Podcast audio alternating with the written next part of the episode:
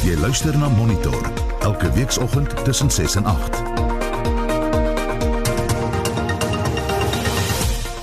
In die tweede helfte van ons program Standbeelde kom wêreldwyd en in Suid-Afrika onderskoot. Ons praat net hierna met twee kenners. Suid-Afrika se cricketspelers is die naweek vereer. En 'n loslopende seekoei vind 'n nuwe tuiste. My naam is Anita Visser en ek is Gustaf Greiling. Welkom by Monitor.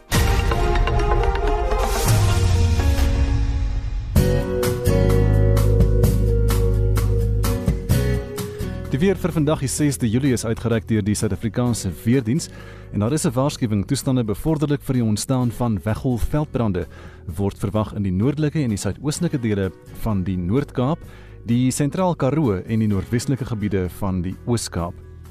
En dan die voorspelling in die hele binneland is dit mooi weer. Vandag Pretoria word 24, Johannesburg 21 en Vereniging 22 grade. In Mpumalanga en Limpopo, Mbombela word 27, Polokwane word 25 en in die Noordwes provinsie word Mahikeng 25 en Vryburg 24 grade. Die Vrystaat, Bloemfontein word 23 en in die Noord-Kaap word Kimberley 25 en Appington 27 grade vandag. Die Weskaap, oggendmiskolle andersins mooi weer. Dit word bewolk in die aand met ligte reën. Die wind is lig tot matig noord tot noordwes. 19 in Kaapstad en 20 in George waar dit later mooi weer gaan wees. Die Ooskaap, mooi weer. Dit die wind lig noord. Dit word matig tot taamlik sterk suidwes teen die aand. 26 in Port Elizabeth en 25 in Oos-London. En dan in KwaZulu-Natal is dit mooi weer. Die wind lig noordwes. Dit word matig noordoos teen die laatoggend in Durban, 25 grade daar. Richards Bay gaan gedeeltelik bewolk wees in die oggend en later mooi weer 25 daar en Pietermaritzburg net mooi weer 25 grade. En dis die weer vir vandag uitgereik deur die Suid-Afrikaanse Weerdiens. Vir nog inligting kan jy gaan na hulle webwerf weathersa.co.za. Die finansiële aanwysers op moneyweb.co.za, die JSE se indeks van alle aandele sluit Vrydag so 0,17% laer op 54522 punte. Dis veral die goudmyn en die hulpbron uh, indekse wat veld verloor het. Hulpbronne met 1,24% af en die goudmyn indeks 1,13%. Die goudprys vanoggend kom by die tyd 1773 dollar en 38 sent per fyn ons. Platinum op 824 dollar en 50 sent per fyn ons en die Brent olieprys aan die styg 43 dollar en 5 sent per vat. Wisselkoerse nou die rand teen die Amerikaanse dollar is R16 en 99 sent teen die euro R19.15 en 'n Britse pond kos vanmôre R21.19. En dis die finansiële aanwysers op monitor.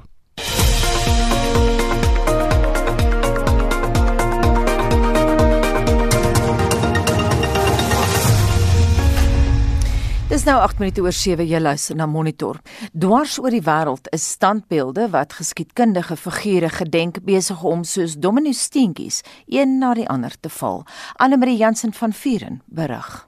Die FSA het oor die naweek hul jaarlikse onafhanklikheidsviering gehou. Intussen het betogers in Baltimore in die deelstaat Maryland Saterdag 'n standbeeld van Christopher Columbus omgetrek. Hulle het daarna die stukke van die standbeeld in die water by die hawe gegooi.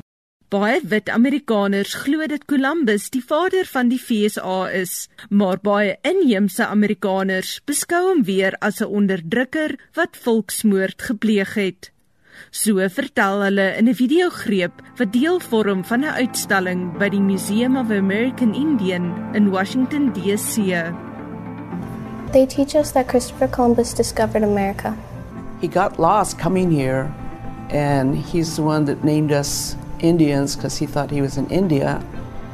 So he's he's not a good figure to the native community. Claiming North America as land that could be claimed It's the start of a lot of pain. Verskeie konfederale standbeelde het onlangs tot 'n val gekom.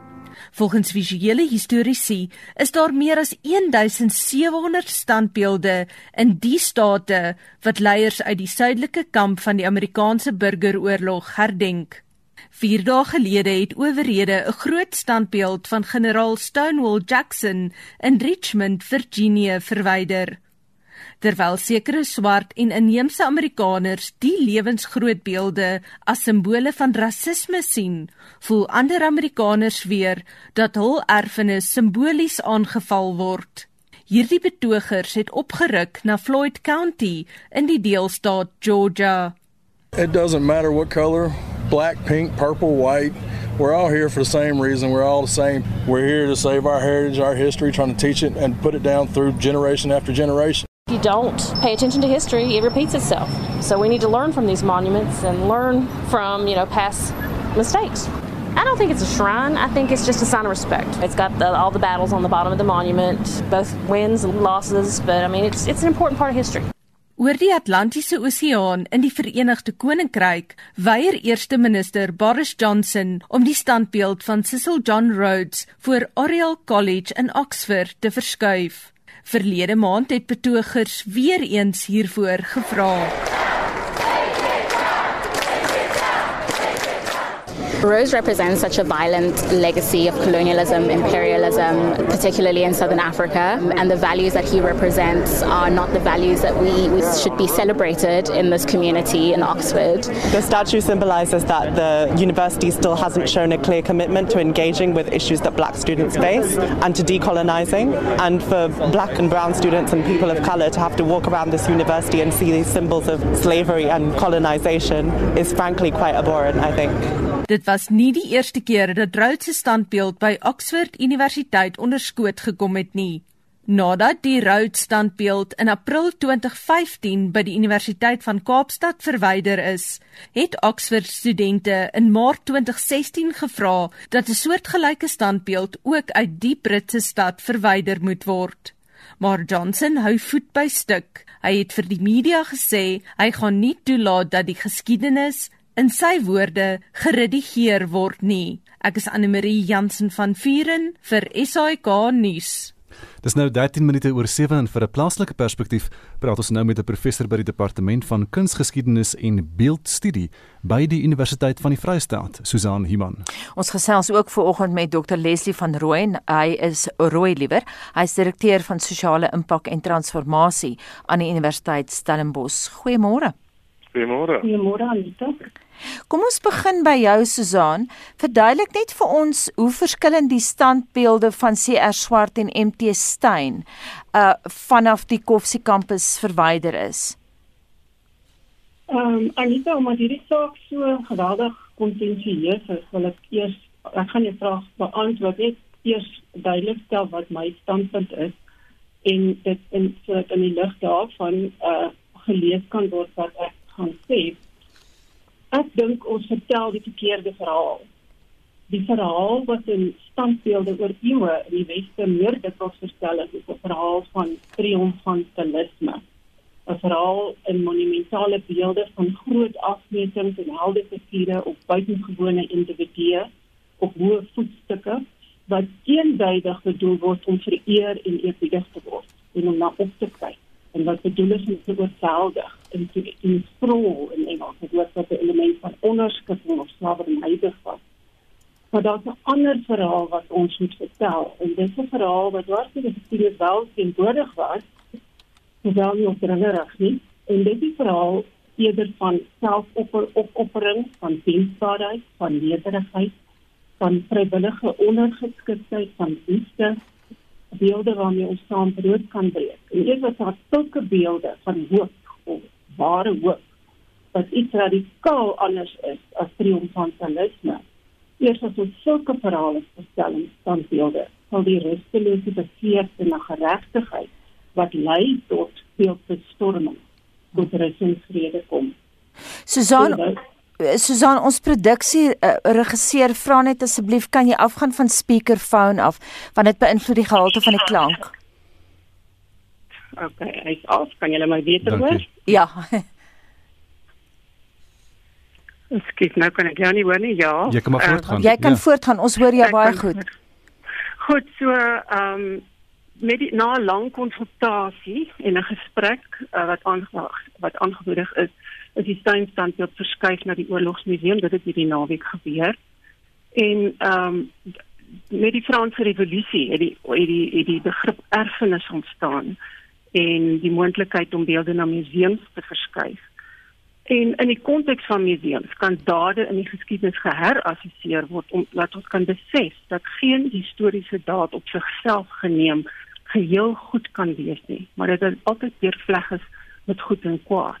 En as individue in beelde vereer word as verteenwoordigend van historiese dade, moet daardie beelde vir die volle daad, ook die goed en die kwaad daarvan verantwoordelik geneem word uh, of hulle moet daarvoor verantwoordelikheid neem. Ehm um, daar in die museum kan die aanvaarding dat enkele buitengewone individue historiese gebeurtenisse dryf eerder as gemeenskappe krities beskou word. So ehm um, dit is 'n aktiewe proses vir die vir die vir die vir ons politisering van deel van van beelde en 'n aktiewe bevordering van die begrip erfenis. Mm. Uh Leslie, en, ja.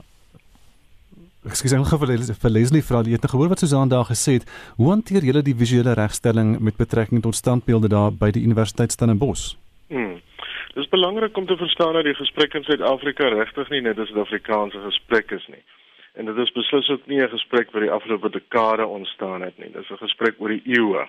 Sodra 'n nuwe heerser oor 'n of 'n diep verandering plaas in samelewingsverandering, is veral hierdie triomfantelike standbeelde waarna Susan verwys het eerste in die slag. Dink nou maar aan die uh, die geskiedenis om ons. Maar op kampusse sedert 2015 vanaf die Rose Mos volbeweging uh, begin het, dink ek is is kuns veral sensitief en en kuns in die breë. Wat word uitgebeeld, wie word verteenwoordig en daarmee saam natuurlik nou wie word uitgesluit ensovoorts.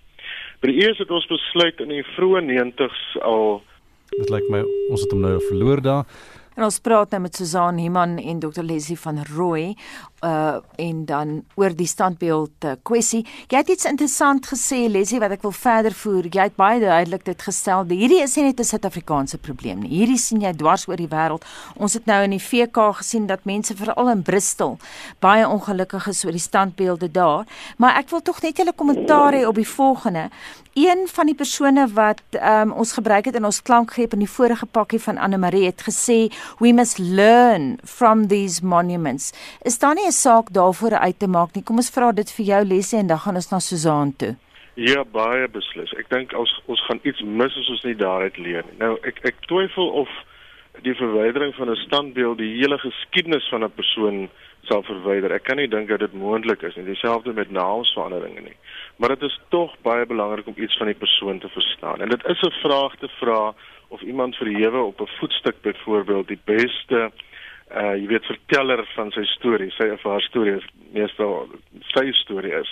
En of mense ander maniere moet vind om dit te doen nie. Ons het byvoorbeeld hier by die eers begin uh om kontekstellings uh by van die uh, sal ek dit simbole noem sit standbeelde kunswerke name van geboue en so en dit het natuurlik uh, dit in sigself is natuurlik nie 'n maklike saak nie want uh, as as die naam of die standbeeld of die simbool nie vir hom of haarself kan praat nie dan moet jy woorde toedig uh, en jy kan dit natuurlik nie in paragrawe en in boeke uh, alleen doen nie. Jy moet dit natuurlik as jy dit voor 'n standbeeld of voor 'n kunswerk of simbool doen, moet jy dit so kort as moontlik doen met genoeg konteks. Maar ons het dit doelbewus gedoen om seker te maak dat jy meer verstaan uh, van wat hier aangaan, ook wat nuwe simbole en nuwe name betref op die kampusse van die ES.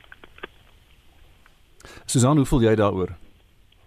Ja, wat ons kan leer uit is dat die respons op 'n beeld um, is in in 'n beeld ingebou sodat as jy 'n beeld oprig wat 'n eenduidige interpretasie van die geskiedenis is in beelde, dan ontlok jy eenduidige dade uit.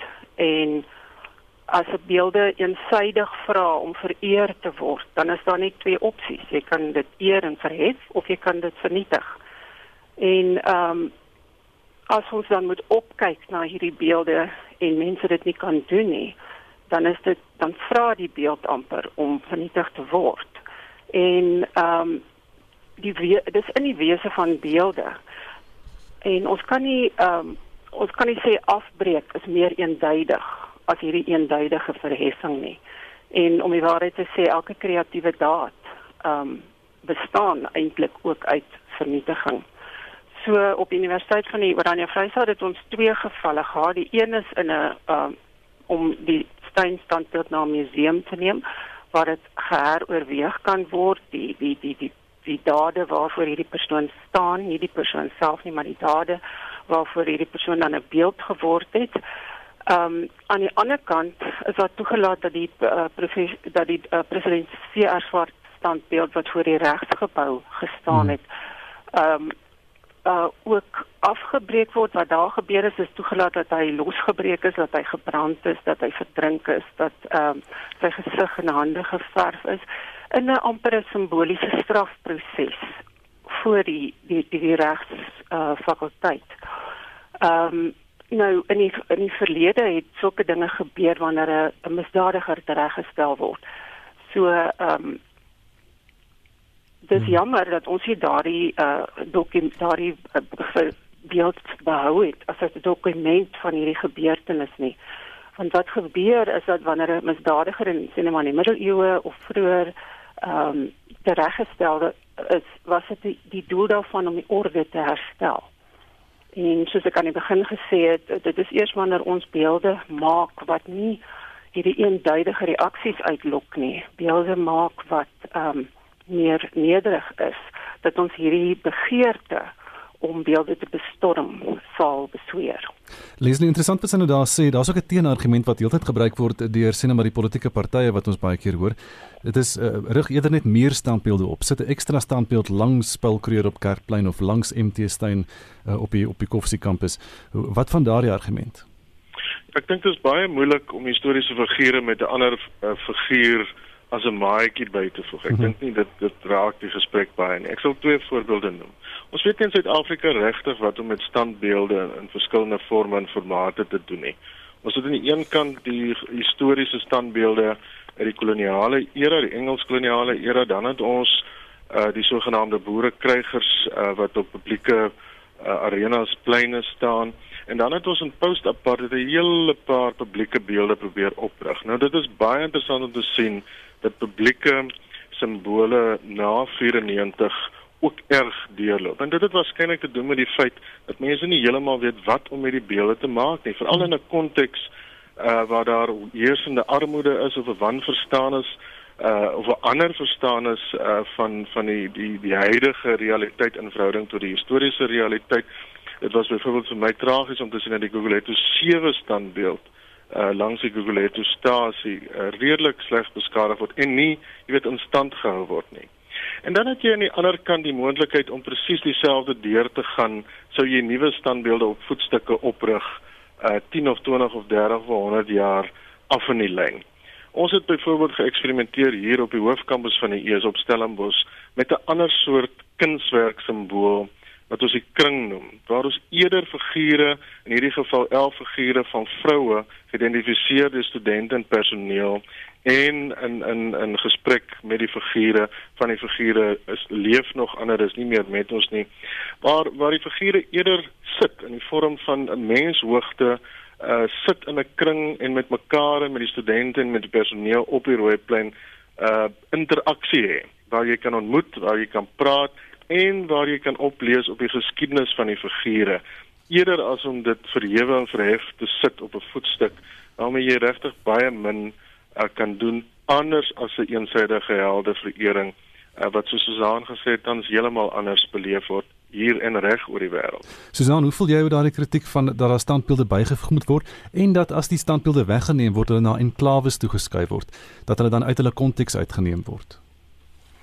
Ja, soos ek sê, die konteks hang af. 'n Plek 'n be ware beeld staan is geweldig belangrik en die konteks van 'n museum is 'n museum is 'n plek waar jy kan uh, reflektief nadink oor oor dinge en dit waar dit nie uh, intimideer in 'n park nie. Maar 'n mooi voorbeeld van my, vir my van die ehm um, oordadige uh, maak van nog beelde, alles hulle plat op die grond soos wat Leslie nou gesê het, is die Nasionale Erfenismuseum in die Groenkloof Natuurreservaat. Hmm die idee daar is daar is reeds 50 beelde, maar daar moet eintlik uiteindelik 400 beelde wees wat in een rigting voortbeweeg in 'n long walk to freedom. Nou hulle loop wel op die grond en maar uh, wat my betref is die oordadigheid van die magdom van hierdie kontrahelde wat nou opgerig word um, eintlik reaktief want dit is dit reageer tot hierdie verhaal van uh, triomfantalisme En uh mens begeer dit besteer amper daai begeerte om die bestaande beelde te beantwoord met die ander kant van die verhaal. En nou is daar 'n kompetisie in hierdie regverdiging van menslike selfverheffing. En ek wil noem dat uh, in die Vrystaat daar die heftige vlaag van die oordadige vererings van die persoon, nie die beeld nie van professor van president Steyn as 'n uitsonderlike individu na die verwydering van sy beeld uh Saterdag is vir my dieselfde liga as hierdie. Dit is reaktief en en en en oordadig. Kom ons kyk weer internasionaal. Leslie, jy het nou gesê ons weet nie eintlik wat om met hierdie standbeelde te doen nie. Ons het nou gehoor Susan praat van eh, die parke wat nou buite konteks is van waar die beelde eintlik moet wees. Maar ek moet vir jou sê, ek het in Moskou gaan kyk na Gorky Park waarvan hulle ou kommunistiese standbeelde van Lenin en Stalin en so aan is, maar ander standbeelde ook van balletfigure en so aan. En dit is 'n baie interessante ding om te sien. Skielik loop jy verby al hierdie standbeelde. Jy het so klein lesie in Russiese geskiedenis. Nou hulle het dit nie met al hulle standbeelde gedoen nie. In Jalta byvoorbeeld is daar nog 'n massiewe standbeeld van Lenin, maar dit was vir my baie interessant en as 'n toerist net om iets te leer van 'n ander land se geskiedenis in een park. Ja. Kyk, ek dink dit is baie belangrik dat ons so ingelig as moontlik bly. Ek sê weer, ek dink 'n skuif of verwydering van 'n standbeeld beteken nie die geskiedenis verval nie. Maar wat ons nie moet hê nie, is die idee dat ons kunsloos of simboolloos moet wees. En ons het amper dit beleef uh, na 2015 waar kuns uh, en simbole op so 'n manier verwyder word dat daar niks oorbly nie. Ek het gevalle hier gesien waar iets byvoorbeeld gewoon net uit 'n klaskamer of 'n lesingsaal verwyder sou word. Wat bitter bitter jammer. So wees vir alles mense nie die konteks uh, van die sê nou maar die plaket uh, of van die simbool verstaan nie. Maar jy kry regtig net uh, daai voorbeelde, die Russiese voorbeelde wat jy genoem het, in lande waar jy iets van 'n gedeelde uh, of 'n verstaane of 'n uh versoende agtergrond uh het waar jy iets kan saamhou en waar die, die meerderheid van die bevolking of dit verstaan of wil hê of uh waar dit afgedwing kan word. En daar's nie baie voorbeelde daarvan reg oor die wêreld nie. Dit is regtig histories belangrik om om in te sien dat vir die eerste keer ooit byvoorbeeld die Belgiese koning verskoning sou vra uh, oor die onreg gepleeg deur sy voorvader uh, in wat nou die DRK Rwanda is. En dit kom eintlik maar net na aanleiding uh, van beelde van koning Leopold in België byvoorbeeld uh, wat ook gever was uh, of oorgeskryf was om om reaksie uit te lok. En dit moet mense verstaan en deurwerk voor jy waarskynlik by 'n punt kom waar jy 'n soort historiese park uh, van beelde uh so ek is nie heeltemal seker of ons in Suid-Afrika reg is daarvoor nie. Ek dink ook nie die beste lande in die wêreld is reg daarvoor nie, maar ons moet met mekaar omgaan oor ons verstande van die geskiedenis. Want dan dink ek sal ons verstaan dat hoe ons daarna kyk en wat ons verstaan, wat ons geleer is, wat ons nie weet nie, ons waarskynlik sal help in 'n debat wat nie ligter gaan word oor die komende paar jare nie. Susanne, 'n interessante ander verskynsel wat nou gebeur het met met met MT Stein wat die naweek verwyder is. Nou is daar personeel van die universiteit en studente um, en alumni wat ontstel het. Is nou gesê dat hulle gaan nie meer hulle donasies, hulle gaan nie meer geld gee vir die universiteit nie. Hoe hoe erg gaan dit wees vir die universiteit of is dit nie regtig belangrik nie? Wel ek dink dit moet 'n sensitiwiteit kweek. Ons moet almal dit is 'n 'n gebeurtenis waaroor ons almal moet nadink en ons moet sensitief daarvoor wees dat 'n hele area rondom 'n standbeeld geaffekteer word, dat dit 'n uitstraling het, 'n baie baie uitstraling en dat mense wat daardie publieke area vryelik mag gebruik, daardeur geaffekteer word. Ehm um, beelde het 'n geweldige effek. Beelde is amper uh, daar is bewys dat ons dieselfde neurale effekte in ons liggame het as wanneer ons na mense kyk. En as daar nou 'n beeld staan wat so uitslike afmetings in 'n groot skaal is waarna ons moet opkyk, ehm um, en soos in uh, met Steyn se geval dat daar nog verdere energie op die spel geplaas is want hy staan op 'n as wat dwars deurloop na die hoofstraat van hmm. So daai uitstraling uh, van beelde, die, die die werklikheid van beelde, die feit dat beelde eintlik uh, mense uh, en in in in hierdie geval die hele geskiedenis verteenwoordig, moet ons voor sensitief wees. Ehm um, ons kan nie sê dat uh, die feit dat byvoorbeeld in in in die Romeinse ryk uh is daar gesê dat daar waar die beeld van die keiser is, daar is die keiser. En ons kan dit nou afmaak as as as uitgediende idees wat nie in die moderne uh, samelewing van toepassing is nie, maar dit is so dat ehm um, daar nog steeds hierdie geloof is in die prototipe wat wat wat leef in die beeld. En dit is nie ehm um, uh, naïef nie. Ons doen dit nog elke dag. Uh, byvoorbeeld as ons begrafnisse hou dan dan neem ons fotos. Ons het fotos wat daardie persoon weer moet verlewendig so beelde het hierdie geweldige effek en ons moet sensitief daarvoor wees dat as hulle op 'n plek staan kan dit mense of affekteer dit werklik mense liggaamlik. Ehm um, en uh, beelde het hierdie geweldige religieuse diepgesete uh, effek in uh, manier om uh, emosies te ontlok. En ons moet dit erken. Dit is in die aard van die beeld. En uh, om 'n beeld dan te gaan sit in 'n museum waar jy rustig en op 'n afstand daarna kan kyk en dit oorweeg is dan die beter opsie. Leslie net laastens is dit belangrik om aan wie mens die beelde, die ou beelde gee om seker te maak hulle word nie in 'n verkeerde konteks heropgerig nie. Ja, ek dink dit is baie belangrik. Ek ek dink daar's een hulpbron uh, wat ons nie moet onderskat in die konteks van Suid-Afrika nie en dit is natuurlik dat ons baie streng erfeniswetgewing rondom hierdie klasprosesse het. Ehm um, ons het byvoorbeeld uh, uh ja, en die prosesse help mense om te verstaan dat jy publieke deelname moet hê, ehm um, dat jy mooi moet dink en konsulteer rondom prosesse dat jy iets van die beeld moet verstaan uh, behalwe dit wat jy van die beeld kan aflei, uh, byvoorbeeld die mag wat die wat die beeld uitstal, uh, of die gesamentlike gevoel wat die beeld skep. Jy moet iets daarvan verstaan. Ehm um, en daar moet deelname wees voordat 'n beeld byvoorbeeld geskuif sou word. Maar ek dink dit sou baie jammer wees as beelde net in hoekies staan sonder dat dit dat dit amper onaantastbaar raak of nie meer uh, bedink kan word nie. Dat jy nie meer oor die beeld kan wonder nie. Iets moet jou uh, kuns moet jou uitdaag. Kuns moet jou ook pla tot 'n mate. Uh, en dit moet jou help om iets verder of of te verstaan of te wil weet van kuns. Maar uh, wat ons wel sien uh, nasionaal internasionaal is dat beelde al die wat uitgedaag word tans hierdie geskiedenis so sentraal staan dat dit nie uh of vermy kan word nie of 'n behoorlike gesprek veroorsaak nie. So ons moet vra natuurlik oor die sentraliteit van beelde, maar uh ons moet nie hopelik nie by 'n punt kom uh waar beelde stof vergader ergens in 'n hoekie sonder dat ons daaroor kan dink nie.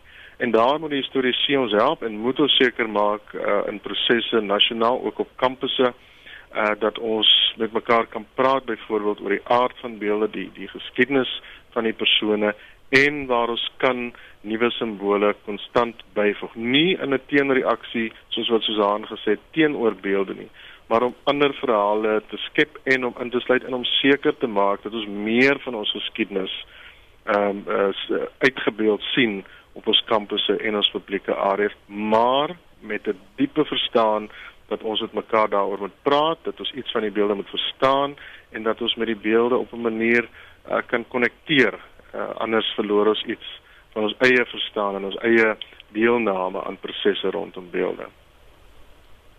Baie dankie. Dit was dan ons gesprek oor die standbeelde gewees vanoggend. Dit was professor Susan Himan, 'n kultuurhistorikus by die departement van beeldstudie by die Universiteit van die Vrystaat, en Dr Leslie van Rooi, direkteur van sosiale impak en transformasie by die Universiteit Stellenbosch. Jy luister na Monitor elke weekoggend tussen 6 en 8. 736 die jongste nuusgebeure die wêreldgesondheidsorganisasie is onder druk om groter aandag te vestig op die risiko van die verspreiding van die koronavirus deur die lug. Malawi se nuutverkose president kanselleer die land se onafhanklikheidsdagvieringe weens die koronaviruspandemie. En Suid-Afrika se kriketspelers is die naweek vereer, bly ingeskakel. Maandag half 12 in regsaake gesels Ignas Kleinsmid met een wessels oor die volgende. 'n Hof aansoek dat onafhanklike kandidaate ook in nasionale verkiesings mag staan. Watter proses moet gevolg word om plekname te verander? Hoe word jou bates verdeel as jy sonder 'n testament sterf?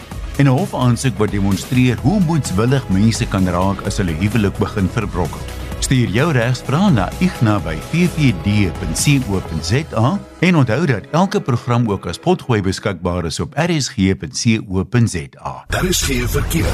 En ons kyk in KwaZulu-Natal na die M19 ooswaarts net voor Taitrin. Daar is 'n kettingbotsing daar Kaapstad op die R300 noordwaarts by Ou Parelweg. Daar is druk verkeer, verwag vertragings in daardie omgewing. In Johannesburg, die M1 noordwaarts tussen Crownwood eh, weg en die Crown Wisselaar, is dit baie stadig vanoggend druk verkeer. Voertuig staan op die N3 suidwaarts na die Bekloo Wisselaar. Die linkerbaan is versper in daardie omgewing. As jy weet van enigiets anders, kan jy vir ons 'n SMS stuur na 45889 en dit kos R1.50.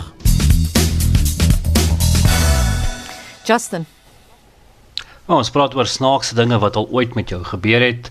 Uh Juanita Jansen van Rensburg skryf, dit was 1965 tydens vakansie in die Ou Transvaal. Ons het in die Boland gewoon in Grabouw. Ons goeie ou tye en was met die bus in Johannesburg stad toe om daar te gaan rondloop. Na 'n baie lekker rondloopdag staan ons op 'n plein met 'n museum iewers naby en wag vir die bus om terug te keer Mariesburg toe. Ek was 11 jaar oud en skielik sê ek: "Pappa, gee my asseblief gou 20 sent. Ek wil gou vir my 'n patrys gaan koop." Daar was in daardie tyd 'n jeugtydskrif met die naam Patrys. Mm. Maar pa Wessel hou sy kop vas en sê: "My liewe kind en waar Waar op die trein gaan jy die groot volbere? Ons het lekker gelag en hy het regtig gedink sy dogtertjie wat so lief is vir diere wil 'n lewendige patrys gou koop. Sy sê ek is nou 67 en mamma en pappa se lankal oorlede, maar dit voel soos 'n paar dae gelede. Hy het dit vir baie mense vertel en lekker saamgelag. Dan sê Elsie Kerstyn Pieters, dis so vreemd om om na 'n fliek te kyk uh of om TV te kyk en te sien dat hulle sit en kuier so naby mekaar en niemand het maskers aan nie. Hmm. Mense kyk so en wonder waar is hulle afstand en onthou dan o ja, dit was in die dae voor lockdown. Jy kan saamgesels oor die snaakste ding wat al ooit met jou gebeur het uh in die lig van die feit dat ons nou al vir 102 dae ingeperk is. Uh, stuur 'n SMS by na 45889 en daardie SMS kos uh kos R1.50. Dis nou 20 minute voor 8. Jy's ingeskakel hier by Monitor op RSG. En ons fokus nou op die sportveld uh, saam met uh, eh, RSG se Pieter van der Berg. Môre Pieter. Sê Gustaf. Kom ons begin uh, eers van die sportveld af. Suid-Afrika se cricketspelers is die naweek vereer. Wie was die groot wenners daar gewees? Ja, die Proteas sterre Quentin de Kock en Laura Wolfhard, hulle is onderskeidelik as mans en vroue spelers van die jaar aangewys. Die toekenning is Saterdag aand tydens 'n virtuele seremonie gemaak en nou ja, de Kock is dan ook as toetspeler vir die mans aangewys en hy was ook die spelers se mansspeler van die jaar. Wolfhard is op haar beurt ook as die eendagspeler en die speler se vroue speler van die jaar gekroon. Daar was ook die ondersteuners wat hulle uh die keuse kon maak en David Miller is daar aangewys onder die mans en Nigel de Pre as die vroue speler. Nou Lungi Ngidi, hy is as uh, die speler van die jaar aangewys vir eendag cricket as ook vir T20 en dan het Andri Norke, hy was die nuweling van die jaar gewees. Onder die vroue is Shabnim Ismail as die T20 speler van die jaar aangewys. En dan Gustav interessant in die buiteland skop die eerste internasionale crickettoets na inperking Woensdag af. Dis wanneer Engeland en die Wes-Indiese eilande in die eerste toets gaan kop stamp. Nou Engeland se 13tal vir die toets is uh, Saterdag bekend gemaak en baie interessant, Sam Curran en Moeen Ali, hulle is nie ingesluit in daardie groep nie.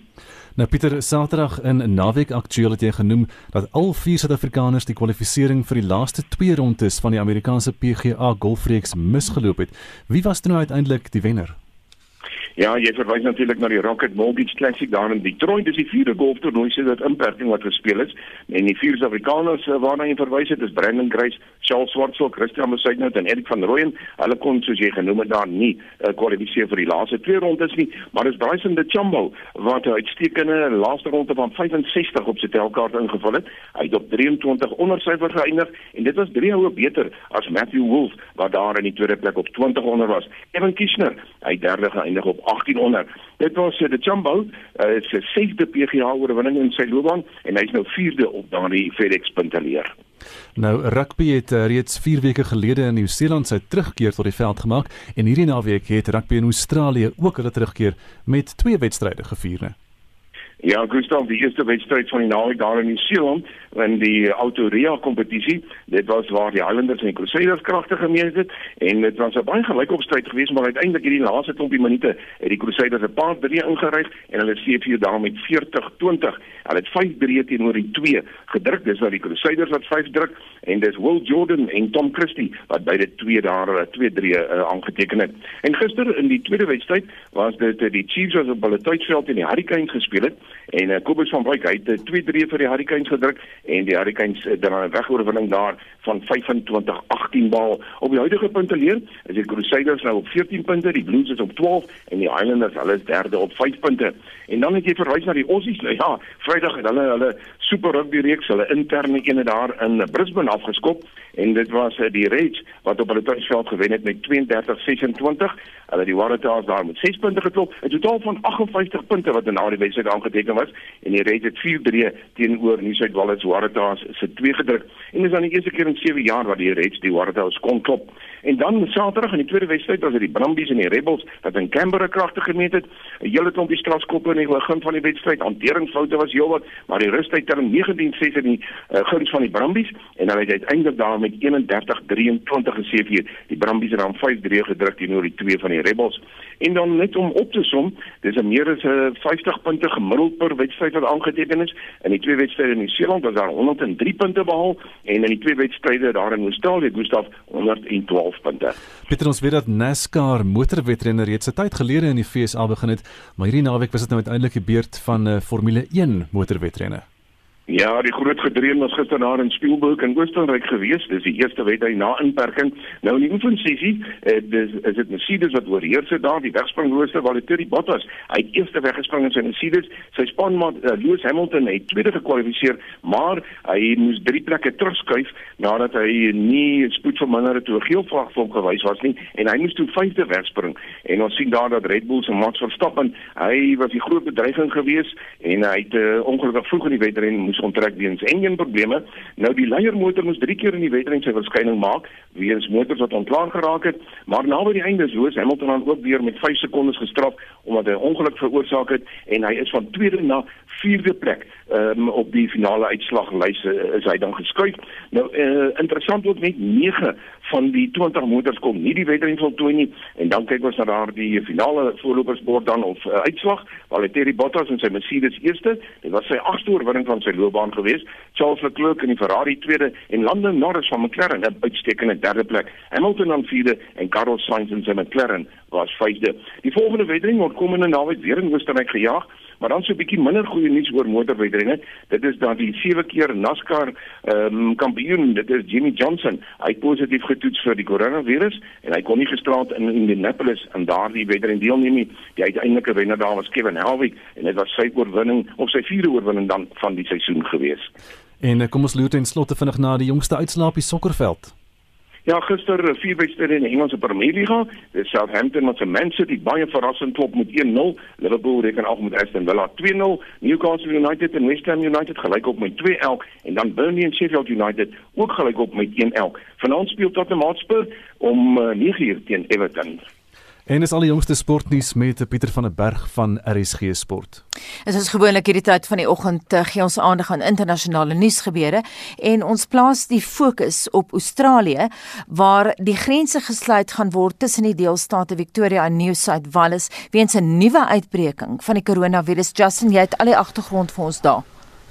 Ja, Victoria en New South Wales is twee van Australië se digsbevolkte state en die besluit om die grense te sluit kom na 'n stygings in COVID-19 gevalle in Victoria se hoofstad Melbourne. Daar is die afgelope 2 weke honderde gevalle aangemeld wat meer as 95% van nuwe Australiese infeksies is.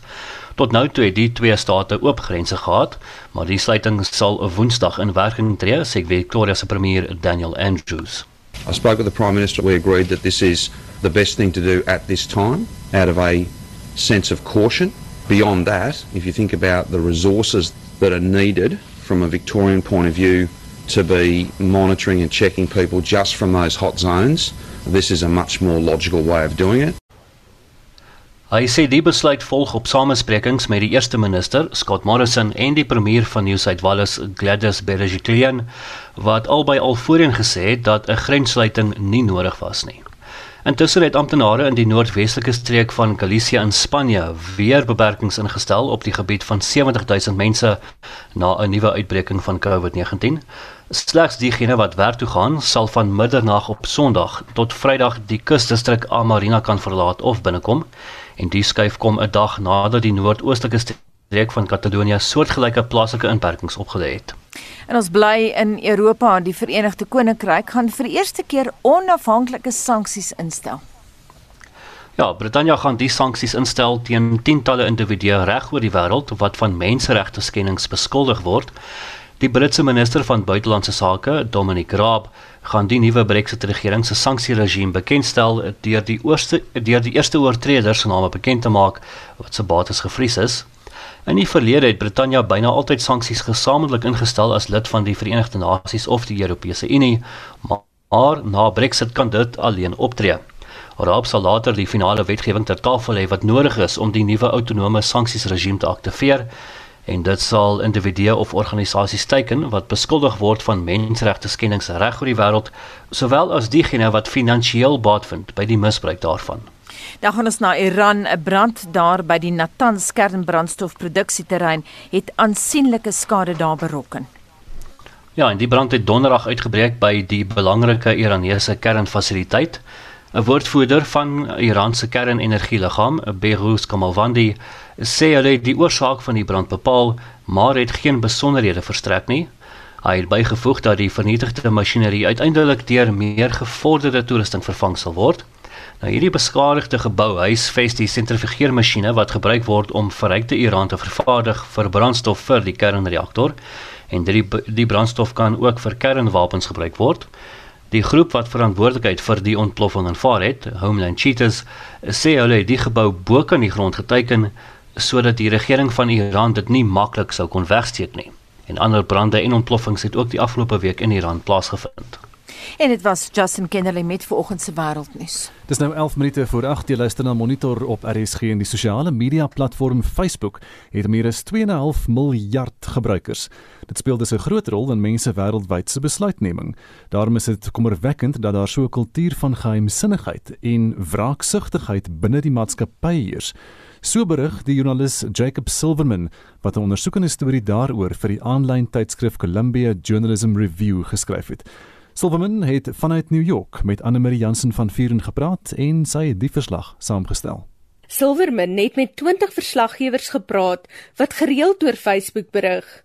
'n Joernalis van die nuuswebblad The Verge het aan hom vertel dat Facebook se uitvoerende hoof, Mark Zuckerberg, hom 'n eksklusiewe brokkie nuus gegee het oor die maatskappy se hommeltuigontwikkeling, 'n paar maande nadat die joernalis Casey Newton daaroor berig het, het die nuusagentskap Bloomberg dit as 'n wollaar storie ontbloot.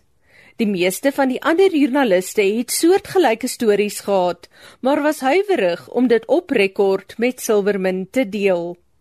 Facebook, like a lot of big tech companies, is they do communicate with the press, but a lot of it is off the record conversations but can't be quoted. Some people who I talked to said that Facebook is willing to lie. So I think it's a lot of the PR tactics of a big company, but you combine that with a company that's always being accused of not cracking down on misinformation or harassment or abuse or election interference or any other number of issues that are affecting the Facebook platform.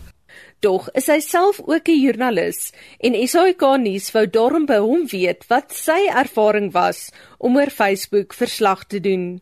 I was talking to people who deal with Facebook a lot more than I do. I write about Facebook, but generally from a user's perspective, and I don't always engage with the company's communications department. And one thing I certainly learned and was confirmed in this story is that engaging with the communications department of Facebook is not always very useful and often won't provide you with much legitimate information. They'll try to talk to you off the record, they'll undermine your ideas, they'll tell you you're wrong, they'll tell you you're talking to the wrong people. The other side of that also is that a lot of people who do deal with Facebook frequently were hesitant to talk to me because they describe the company as vindictive. They said that sometimes they do depend on Facebook for access or to help confirm a story, and they don't want to ruin that relationship by talking and criticizing Facebook on the record. And I think that's a very legitimate concern for people who do depend on dealing with Facebook for their job. I agree with some of my sources who said, hey, the best journalism about Facebook will be done without Facebook's help. That means talking to researchers and academics, and that also means professional investigative journalists digging into the company and also trying to make contact with sources at Facebook. But that is also another problem, which is that Facebook has a zero tolerance policy toward leaks. They read the communications of employees they suspect of leaking. So journalists are able to talk to employees in secret at times, but it is very difficult. Silverman het ook met verskeie van Facebook se werknemers gepraat. Verlede maand het 'n groot aantal van die maatskappy se werknemers te gelyk bedank. Sê volgens sy bronne is hulle lank reeds ontevrede met hoe die platform 'n teelaarde vir ekstremistiese sienings en bogpraatjies geraak het. The main newsfeed recommendation algorithm tends towards extremism in one form or another, which means that if you start, for example, clicking on right wing causes, over time you'll end up much more in right wing or explicitly white supremacist territory in terms of what's being recommended to you. It's much like YouTube in that the algorithm favors engagement, and it's found that basically more extreme ideas provoke more engagement. So in the US, Facebook has been very reluctant to regulate or crack down on right wing speech because of this porous line and because a lot of conservative politicians have criticized Facebook as being this censor happy entity. Intussen is dit steeds een van die gewildste sosiale media platforms ter wêreld en 'n gerieflike plek om foto's te deel en kontak te hou met geliefdes oor see. So wat nou gemaak as jou gewete aan jou begin knaag? This is a great question. I think we should approach all these platforms with skepticism. We should be informed about their business models. We should know that they're collecting a lot of data on us and a lot of very personal, intimate data. And the job of these companies is basically to monetize that data, to monetize the raw record of our lives who we talk to, what we say, what we want, how we feel, the places we go, the photos we take, all those sorts of things. So that political economy behind these companies and the influence they wield with governments should be on people's minds.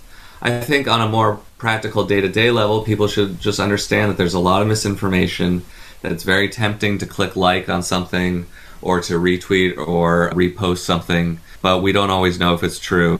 And just because it appears on Facebook or Instagram or WhatsApp doesn't mean it is true. And encourage governments to regulate them and when possible to encourage competition to break them up because Facebook has turned into a monopoly that has a great deal of power. We shouldn't be too hard on ourselves as individuals for using these products. Personally, I don't use Facebook anymore, but I am on WhatsApp, for example, which Facebook owns. It can be hard to get away from these products because they're very useful, they're very popular. A lot of our friends and family use them. But that sense of skepticism and asking the tough questions of what the companies are up to and what the governments who they deal with are up to also, I think we should always keep that front and center. Dit was Jacob Silverman, 'n tech-joernalis en skrywer van die boek Terms of Service: Social Media and the Price of Constant Connection. Ek is Anne Marie Jansen van Vuren vir SAK nuus. Lekker ligte storie vir die einde van die program. 'n Swerwende seekoei van die Valsbaai Natuurreservaat in Kaapstad het 'n nuwe tuiste by die Bergsig Wildplaas by Mosselbaai gevind. In November verlede jaar het personeel die dier in ronde vlei raak gesien. Sy is heel waarskynlik uit haar trop verwilder. Na 'n langsame proses van 111 dae is sy uiteindelik gevang en na groener weivelde vervoer. Tanya Krause het die storie. Die jong seekoei sonder 'n trop is na 'n pan by die Strandfontein rioolsuiweringsaanleg geskuif waar 'n elektriese heining binne 'n dag opgerig is om haar beweging te beperk.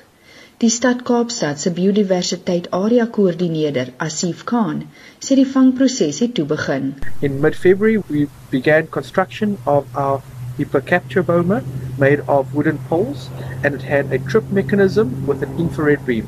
It took all of 111 days for the animal to make its way inside the boma, where the beams were tripped and the doors closed, confining the animal inside the boma. Lisel Kraus van die Bergsig Wildplaas sê die seekoei het binne minute self agter in 'n vragmotor ingeloop. Van die intrapslag 5 minute tot op die trok. Ja, dit is in baie kalm, rustig, sy het rustig gery, sy het nie moeilikheid gemaak langs die pad nie. En ja, hulle ons het hier aangekom 7:00 die oggend. Dit was al net hier so so afgelaai en sy het uitgeklim en rondgestap so om die dam om die plaas so 2 km tot weer terug waar ons haar afgelaai het en so. Bergsig Wildplaas het sowat 3 jaar gelede reeds vir 'n seekoei aansoek gedoen en het aan al die nodige vereistes voldoen. Die eienaar Kobus Kraus sê hy het gehoop vir 'n koei om hul seekoei bil aan te vul. Die plan is is natuurlik om te teel. Sy is so 3 jaar oud. 'n Seekoei is op 4 jaar geslagsryp. Die bil is so op 7 jaar en uh, ons hoop om oor 'n jaar dat sy geslagsryp gaan wees en ons oor 2 jaar hopelik het ons 'n klein seekoei kalfie. Bambi en Fatman geniet dit om saam te swem, in die son te bak en rustig rond te wandel. Salig onbewus van wat in die wêreld aangaan, het die twee liefde gevind in 'n tyd van corona. Ek is Tanya Krause op Mosselbaai in die Suid-Kaap. Justin, hoe lyk daai laaste SMS terugvoering? Oh, Hilde Kamp hy skryf die eerste dag wat die matriek terug is by die skool. Ons almal is maar onseker en moet gewoond raak aan die maskers. Ek verduidelik nog so toe een seun vir my vra om iets te herhaal. Ek begin die sin weer sê net sodat hy weer 'n keer sê hy kan nie hoor nie en te gelyk eh, terselfdertyd sy masker laat sak. Jy weet mos om beter te kan hoor. Ja, ons het 'n lekker gelag sê sy. Susan Marie skryf: "So gaan ek eh, soos vroegoggend uh, brood en melk kry by ons plaaslike vulstasie om die hoek. En die spesifieke oggend was dit 'n ysige -11 grade Celsius en ek is tot die tande gepantser teen die ysige koue. Die dikste jas en serp in my kas, 'n mus op my kop, die masker en dan dra ek boonop bril. Toe ek by die volstasie uitklim, kom die vriendelike petroljog gee na my toe aangestap, gee huiwerig een tree, een tree terug en sê: "Verskoon tog mevrou, maar jy lyk vanoggend darm mm, sleg." Ons het lekker gelag vir die spektakel voorkoms wat die COVID masker ontketen het. En uh Engela Harker sê ek en my sus het in die oggend tydens vlak 4 gaan stap met maskers gaan en kry elke oggend 'n paartjie wat ook stap met hulle maskers. En so groet die vroutjie baie vriendelik vir my sus wat so 80 meter voor my loop en die vroutjie kom by my en sê jy sal moet stap. Jou sus stap jou ver vooruit. En ehm um, toe sy uiteindelik by sy uh, of haar suster inhaal uh toe vra sy wie is die vroutjie wat so vriendelik groet en ek antwoord ek ek loop juist dan nou vinniger tot by jou om te hoor of jy haar haar miskien ken en tot vandag toe weet ons nog nie wie dit is nie. Sy sê maskers maak dit moeilik om te weet wie is wie. En op daardie noot uh, gaan ons sommer oor na die dagboek uh, vir Spectrum. Die vakbonde Nomsa en die Kajuitbemanningsvereniging oorweeg regstappe om die likwidasie van die Suid-Afrikaanse lugdienste te voorkom. Groot getalle leerders keer vandag terug skool toe. En ons kyk na Indië wat jaag om die eerste enstof teen COVID-19 bekend te stel en plaasaanvalle neem skerp toe. En so kom ons aan die einde van vandag se monitor. Ons waarnemende uitvoerende regisseur is Hendrik Martin. Vandag se redakteur was Wessel Pretorius en ons produksieregisseur Lewona Bekes. Ek is Gustaf Vreiding. En my naam is Anita Visser.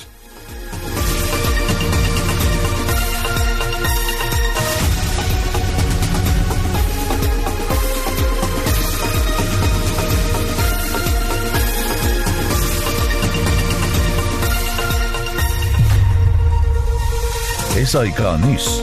Onafhanklik, onpartydig.